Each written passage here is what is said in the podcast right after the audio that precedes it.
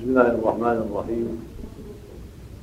الحمد لله رب العالمين والعاقبة للمتقين. والصلاة والسلام على عبده ورسوله وصفوته من خلقه وأمينه على وحيه. نبينا وإمامنا وسيدنا محمد بن عبد الله وعلى آله وأصحابه من سلك سبيله وسدى بهداه إلى يوم الدين. أما بعد فإني أشكر الله عز وجل على ما من به في هذا اللقاء. بإخوة في الله كرام وبأبناء أعزاء أسأله عز وجل أن يجعله لقاء مباركا وأن يصلح قلوبنا وأعمالنا وأن يرزقنا الفقه في دينه والاستقامة على كتابه وسنة نبيه عليه الصلاة والسلام. ثم أشكر القائمين على هذه المدرسة وعلى رأسهم الشيخ إبراهيم على دعوته دعوتهم إلى هذا اللقاء. لا ريب أن التذكير بالله والتناصح بالله من سيرة الأنبياء والأخيار. وله أثر عظيم في صلاح القلوب وصلاح الأعمال وصلاح المجتمع. فلذلك شارع النصاح والعلماء والأخيار والدعاة إلى مثل هذه إلى مثل هذه اللقاءات لما فيها من الفائدة العظيمة. ولا سيما مدارس القرآن فإن لها أهمية عظيمة ولها أيضا صفة خاصة بها تكون جديرة بالمزيد من العناية والتوجيه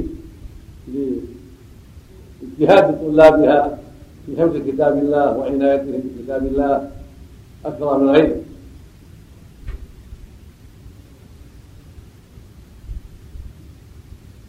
وعنوان الكلمة التي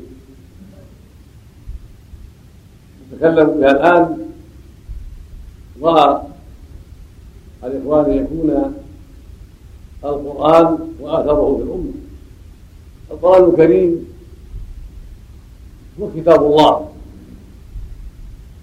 المنزل من عنده سبحانه. فيه الهدى والنور. فيه الهدى والرشاد. فيه الدعوة إلى السعادة الأبدية. فيه الدعوة إلى مكارم الأخلاق ومحاسن الأعمال. وقد أجمع أهل السنة والجماعة على أن القرآن كلام الله منزل غير مخلوق. منه بدأ وإليه يعود. كما قال الله عز وجل تنزيل من الرحمن الرحيم. من ابتدائي هو نزل من عنده عز وجل. تنزيل كتاب من الله العزيز الحكيم. نزل به الروح الأمين على قلبك على قلبك لتكون من المنزلين وهو كتاب الله. انزله على نبيه الكريم محمد عليه الصلاة والسلام هدى للناس وشفاء لما في الصدور ورحمة للأمة وبيانا لما خلقهم الله لاجله وما شرعه له سبحانه وتعالى. فجدير بأهل الإسلام أن يتمسكوا به وأن يتعقلوه ويتدبروه ليعملوا بأوامره وينتهوا عن نواهيه.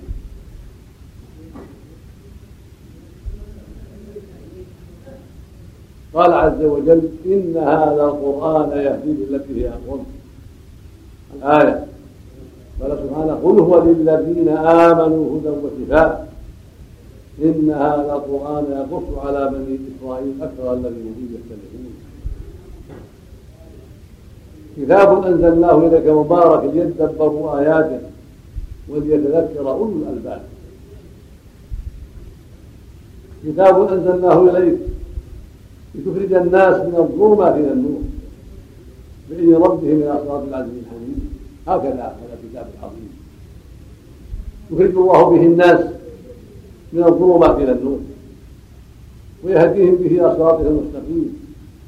كما قال عز وجل قد جاءكم من الله نور وكتاب مبين. يهدي به الله ويتبع رضوانه. سبل السلام. ويخرجهم من الظلمات إلى النور. فالواجب على أهل الإسلام أن يأخذوا دينهم وعلمهم من هذا الكتاب العظيم ومن السنة الصحيحة. التي جاء بها المصطفى عليه الصلاة والسلام. فهي الوحي الثاني. وهي التفسير والبيان لكتاب الله عز وجل. كما يقول سبحانه وأنزلنا إليك الذكر لتبين الناس ما نزل إليه كما المبين عن الله والمرشد عن الله إلى ما أراد من كتابه سبحانه وتعالى ويقول جل وعلا وما أنزلنا على الكتاب إلا لتبين له ما يختلفون فيه وهدى ورحمة لقوم يؤمنون. وأنزل عليه الكتاب ليبين للناس ما فيه سعادتهم ونجاتهم. وليفصل بينهم الخلاف فيما يتنازعون فيه. فإن تنازعتم في شيء فردوا إلى الله والرسول إن كنتم تؤمنون بالله واليوم الآخر.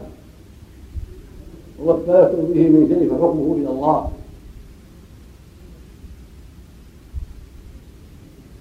وسماه الله أحسن القصص قال جل وعلا نحن نقص عليه أحسن القصص هذا الكتاب العظيم هو أحسن القصص وهو أفضل الكلام. وهو أشرف الكتب المنزلة على الأنبياء. لم ينزل قبله مثله. وهو أشرف كتاب وأعظم كتاب. وهو خاتمة الكتب من عند الله عز وجل. وسماه الله أحسن الحديث. الله نزل أحسن الحديث. كتابا متشابها. مثاني. هو كتاب الله. هو أحسن الحديث. وهو أحسن القصص. ومعنى متشابهة يعني يشبه بعضه بعضا ويصدق بعضه بعضا. لأنه محكم. مفصل مبين ويشبه بعضه بعضا.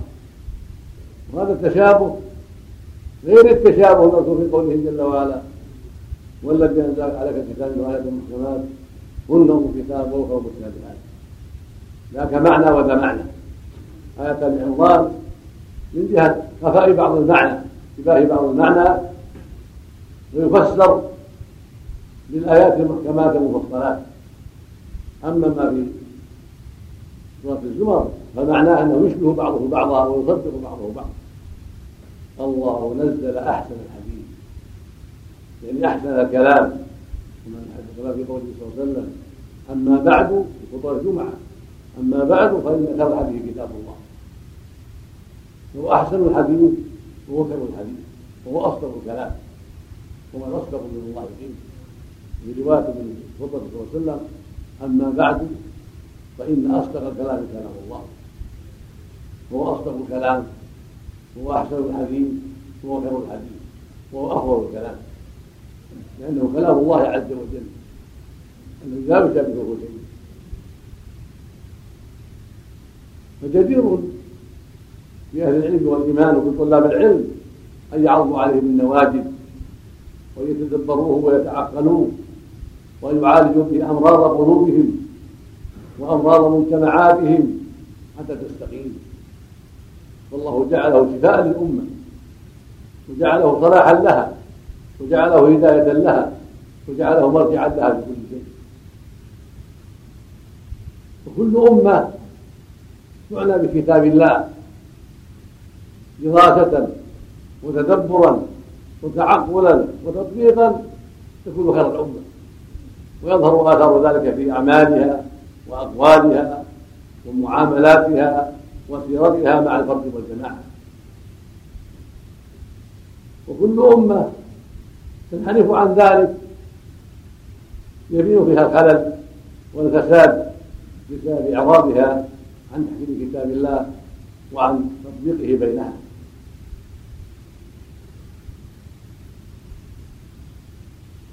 ولم ينزل بمجرد تلاوة.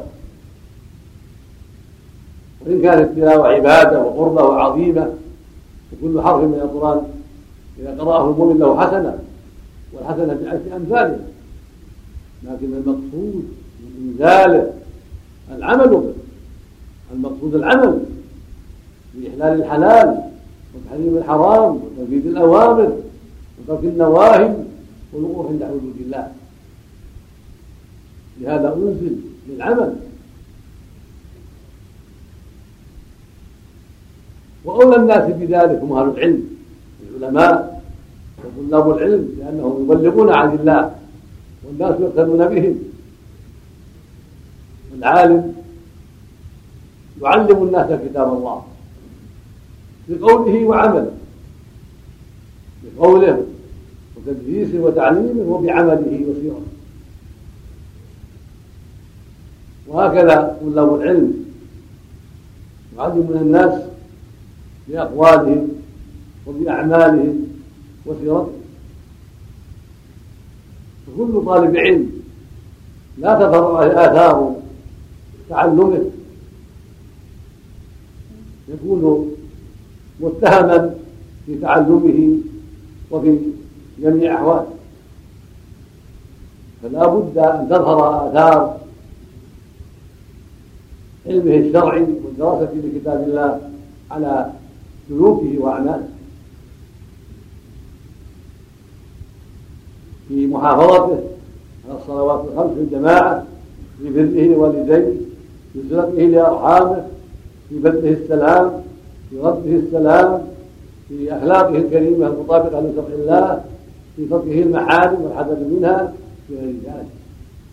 لا بد أن تظهر عليه آثار هذا الكتاب العظيم والسنة المطهرة. وبهذا يعلم أنه طالب علم ويظهر عليه أنه طالب علم ويحسن به الظن ويرجى به الخير. أما مجرد أنه يقرأ وأنه يدرس وأنه يحفظ ثم لا يبالي هذا يكون حجة عليه ولا حول ولا قوة إلا بالله. الله ذم أهل الكتاب بقوله مثل الذي حملوا التوراة ثم لم يحملوها كمثل الحمار يحمل اسفارا ولا حول ولا قوة إلا بالله. لما لم يعملوا صاروا مشبهين بالحمر. تحمل كتبا لا تعيها ولا تفهمها ولا تعلم بها ليست من اهلها هكذا علماء السوء علماء الضلالة حملوا كتب فصار حجة عليهم بالغ وأضلوا بها الناس.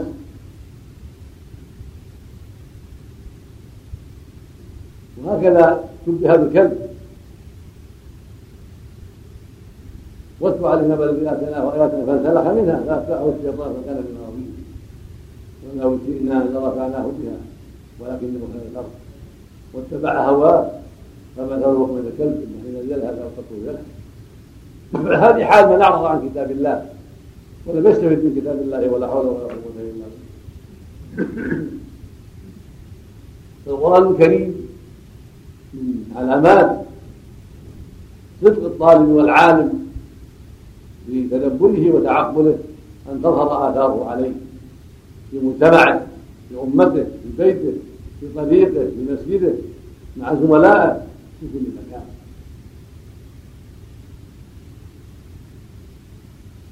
وهذا كتاب أنزلناه مبارك فاتبعوه المفروض اتباعه. وهذا كتاب انزلناه مبارك فيه واتقوا لعلكم ترحمون كتاب أنزلناه اليك مبارك ليدبروا آياته وليتذكر أولو الألباب. إن هذا القرآن يهدي للتي هي اقوم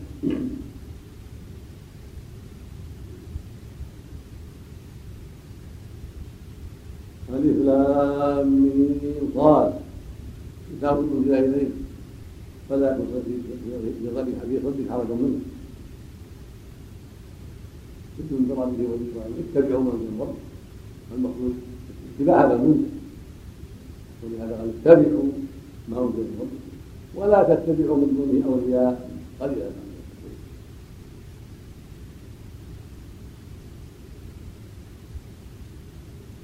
المؤمن ينشرح له ينشرح له صدره ويطمئن له قلبه ولا يكون في صدره حرج منه. لأنه يؤمن بأنه كتاب الله وأنه حق وأنه منزل من عند الله على رسوله عليه الصلاة والسلام. فلذلك تظهر عليه آثاره في جميع الأحوال وينشره بين الناس ويعلمه الناس حتى يستفيدوا من كلام ربهم ويشرح لهم ما قد يخفى بسنة الرسول صلى الله عليه وسلم وأحاديثه عليه الصلاة والسلام.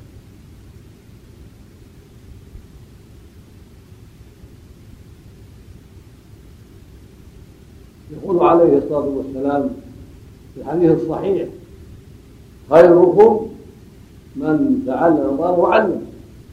خرجه البخاري في الصحيح. وفي الآخر أفضلكم من تعلم القرآن وعلم.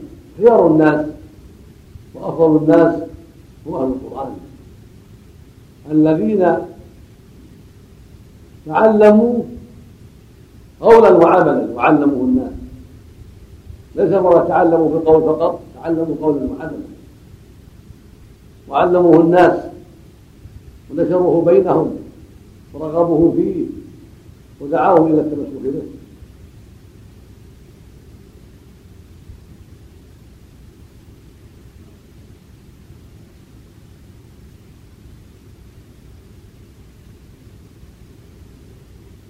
ويقول عليه الصلاة والسلام في الحديث الصحيح الذي رواه مسلم في الصحيح ما اجتمع قوم في بيت من بيوت الله يتلون كتاب الله ويتدارسونه بينهم إلا نزلت عليهم السكينه واتيتهم الرحمة وحفتهم الملائكة وذكرهم الله النبي هذا شأنه عظيم.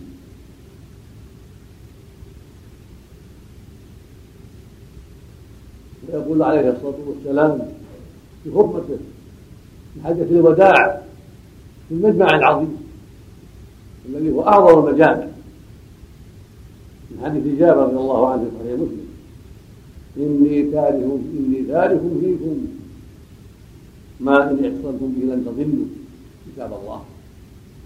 يبين عليه وسلم الناس لن يضلوا ما داموا معتصمين بكتاب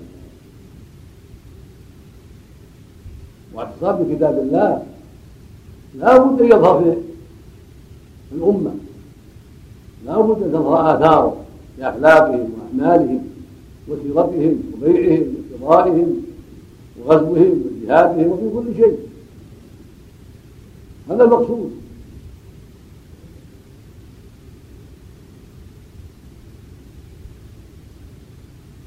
وفي لفظ آخر كما روى الحاكم كتاب الله وسنته وهذا هو المعلوم لأن كتاب الله يدعو إلى سنة الرسول صلى الله عليه وسلم.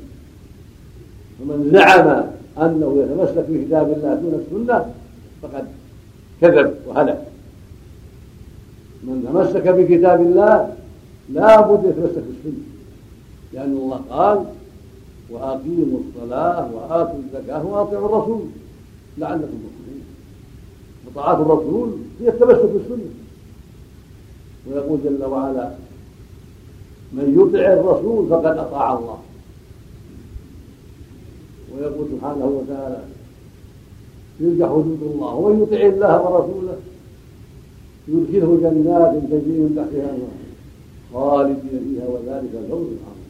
ومن يعص الله ورسوله ويتعدى حدوده يدخله نارا خالدا فيها وله عذاب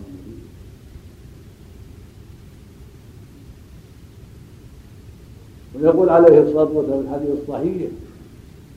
من أطاعني فقد أطاع الله ومن عصاني فقد عصى الله ومن أطاع الأمير فقد اطاعني ومن عصى الأمير فقد عصاني. من طاعة ولاة الأمور من طاعة الله ورسوله خرجه البخاري ومسلم في الصحيحين. مصداق هذا في كتاب الله. يا أيها الذين آمنوا أطيعوا الله وأطيعوا الرسول. وأولي الأمر منكم. في المعروف كما جاء في السنة. فإن تنازعتم من شيء فردوا إلى الله والرسول إن كنتم تؤمنون بالله واليوم الآخر ذلك هو الله يقول جل وعلا فليحذر الذين يخالفون عن أمره. من أمر الرسول صلى الله عليه وسلم أن تصيبهم فتنة أو يصيبهم عذاب. قال الإمام أحمد رحمه الله في هذه الآية أتدين الفتنة؟ قال الفتنة الشرك لعله إذا رد بعض قوله إذا رأوا النبي صلى الله عليه وسلم أن يقع في قلبه شيء من فيأتي ويقول سبحانه وما آتاكم الرسول فخذوه وما نهاكم عن فانتهوا المقصود أنه لا بد من طاعة الرسول صلى الله عليه وسلم مع طاعة الله. ولا بد من التمسك بسنة الرسول مع التمسك بكتاب الله. ومن زعم أنه يأخذ القرآن دون السنة فقد كذب وهلك. ولا بد من الأصلين والوحيين جميعا. ومتى تمسك الأمة متى تمسكت الأمة بهذين الوحيين ظهر آثار ذلك في أقوالهم وأعمالهم وبيعهم وشرائهم وأكلهم وشربهم ولباسهم ومدخلهم ومخرجهم وجهادهم وأمرهم بالمعروف ونهي المنكر وتعليمهم وغير هذا.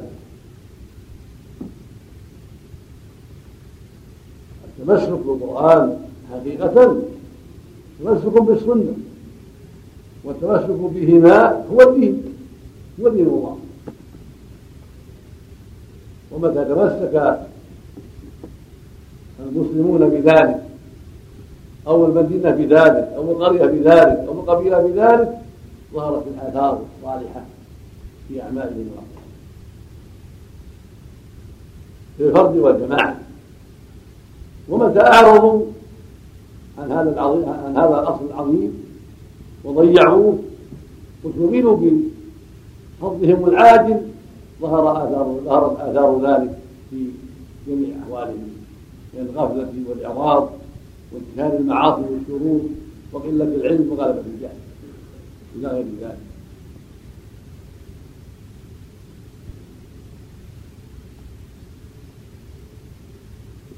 ويقول عليه الصلاة والسلام من يريد الله به خيرا من يريد الله به خيرا يفقهه في الدين. متفق عليه. ولا طريق إلى هذا إلا بالعناية بكتاب الله. والتمسك بكتاب الله وسنة رسول الله صلى الله عليه هذا هو طريق في الدين. لا سبيل في الدين ولا طريق إليه إلا بالتمسك بكتاب الله وتدبره وتعقله وتفهمه والعناية به مع سنة الرسول عليه الصلاة والسلام وكان يوما بعض بين أصحابه عليه الصلاة والسلام فقال أيحب أحدكم أن يذهب إلى بطحان بطحان وادي في المدينة معروف. ويذهب إلى بطحان. فيأتي بناقتين عظيمتين بغير إثم ولا قطيعة رحم قالوا كلنا يحب ذلك؟ قال عليه الصلاة والسلام لأن يغدو أحدكم إلى المسجد. ويتعلم آية من كتاب الله خير له من ناقتين عظيمتين وثلاث خير من ثلاث وأربع خير من أربع من أعدادهم أو كما قال عليه الصلاة والسلام. رواه مسلم. هذا يبين لنا أيها الأبناء عظم كان كتاب الله وعظم الفائدة في حفظه ومذاكرته فيه ومدارسته والعمل. هانئا لكم انتسابكم إلى هذه المدرسة والعناية بكتاب ربكم حفظا وتدبرا وتعقلا. نحمد الله على هذه النعمة. وحققوها بالعمل. حققوها كونوا من أهلها بالعمل الصالح بالصلة الحميدة. بلا غلو ولا تفريط.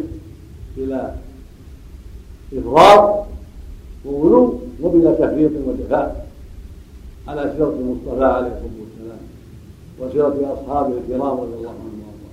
هذا هو السبيل وهذا هو الهدى الذي قال فيه الرب عز وجل إن هذا القرآن يهدي للذين قل هو للذين آمنوا هدى وكتاب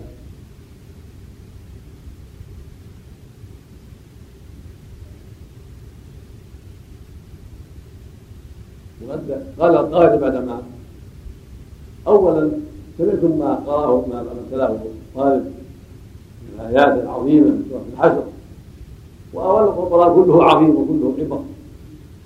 يا أيها الذين آمنوا اتقوا الله ولتنظر نفس ما قدمت لغد كلنا مأمور بهذا. كلنا مأمور بهذا. أن نتقي الله وأن ننظر ماذا قدمنا لغد والله يخاطب أهل الإيمان في آيات كثيرات لينتبهوا ويعدوا العدة. كما أنه يخاطب الناس في آيات كثيرات ويقول يا أيها الناس اتقوا ربكم. يا أيها الناس اعبدوا ربكم. فالناس مخاطبون مأمورون بعبادة الله وتقواه. والمؤمنون في وجه أخص مأمور بذلك. أن يتقوا الله وأن يستقيموا على دينه ومن ذلك أن ينظروا ماذا قدموا لآخرتهم هذا من التقوى. أن ينظر العاقل ماذا قدم. هل قدم أعمالا صالحة؟ فليحمد الله.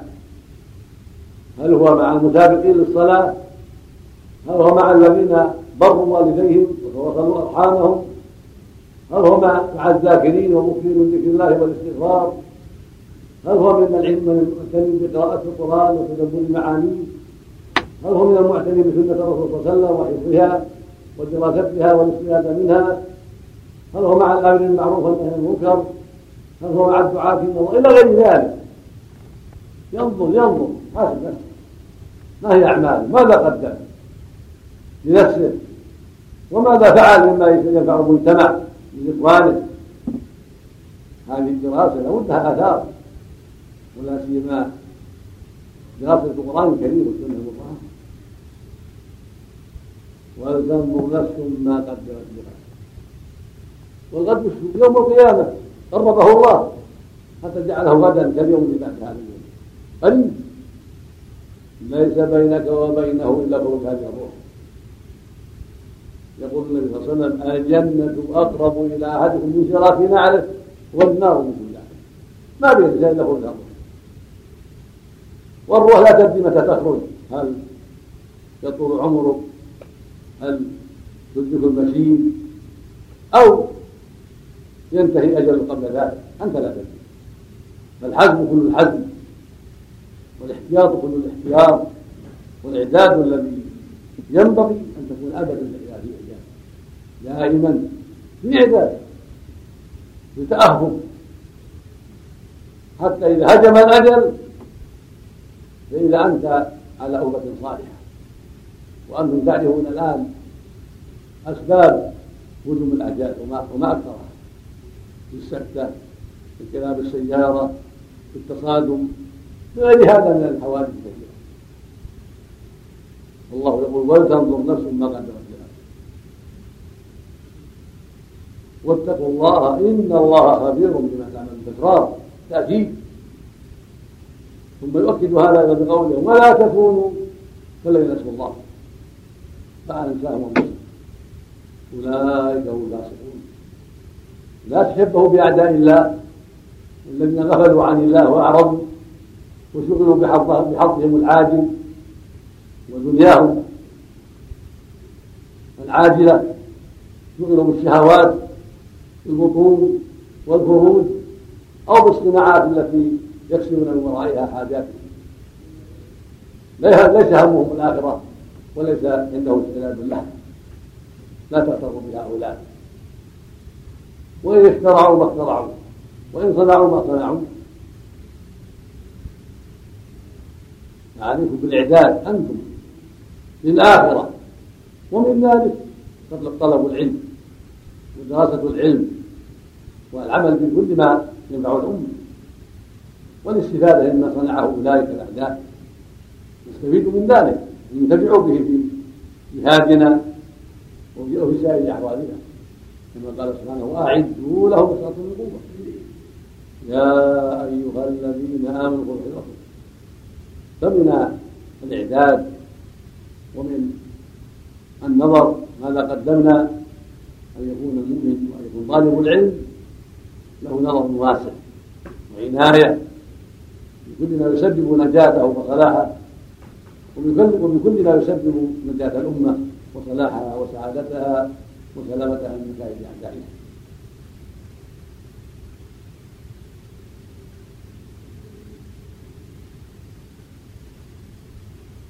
وقد ختم الطالب قراءة بقول صدق الله العظيم وهذه كلمة جاءت بين الناس وكثرت وليس لها أصل في أهل العلم ليس لها أصل في هذا المقام. ينبغي عدم اعتيادها. فهي داخلة في قوله صلى الله عليه وسلم من عمل عملا ليس عليه فهو رد. وهي أشبه بالبدعة. وإن لم نقل بدعة فهي أشبه بالبدعة. ملازمتها في كل قراءة حتى صار بعضهم يقرأها في الصلاة مما اعتادها إذا انتهى انتهى. لم يقال عن الرسول صلى الله عليه وسلم ولا عن أصحابه ولا عن سلف الأمة أنهم كانوا يقرأوا من القراءة قول صدق الله تعالى. أما كونها شاعت بين الناس وانتشرت واستحسنتها بعض العقول هذا لا يكفي هذا. لا يكفي في تنقيتها أو استحسانها أو لزومها لو فعلها بعض الأحيان عظيما لكتاب الله عندما يقرأ شيء يتعجب منه ويظهر له ما فيه من الخير العظيم صدق الله ما أعظم هذا ما أعظم كذا من باب التعجب ومن باب إظهار عظمة عظمة كتاب الله. أما اعتياد ذلك عند كل تلاوة فليس لهذا أصل. فيما علمنا بعد العناية بعد التتبع بعد المذاكرة مع العلم فلا لم أصل والمقصود من هذا أيها الإخوة الأبناء أن العناية بكتاب الله وبسنة الرسول صلى الله عليه وسلم هي أصل السعادة. وهي طريق النجاة إذا صحبها العمل فالعناية تكون بالعلم والعمل. بالعلم والعمل بالقول والعمل. في جميع ما يتعلق بكتاب الله. دراسة تدبرا وتعقلا ومفهوما وعملا. وهكذا السنة. يحفظ ما تيسر منها. ويذاكر ويستفيد ويعمل. واسال الله باسماء الحسنى وصفاته ان يوفقنا وإياكم للعلم النافع والعمل الصالح. وأن يمنحنا جميع الفقه في دينه والثبات عليه. وأن يعيذنا من شرور أنفسنا ومن سيئات أعمالنا. وأن ينصر دينه ويعلي كلمته. وأن يصلح ولاة أمرنا. ويمنحهم بطانه الصالحين وأن يعينهم على كل خير. وأن يوفق جميع المسلمين في كل مكان لما فيه رضاه ولما فيه صلاحهم ونجاتهم وسعادتهم. وأن يصلح قادتهم إنه جواد كريم صلى الله وسلم على نبينا محمد.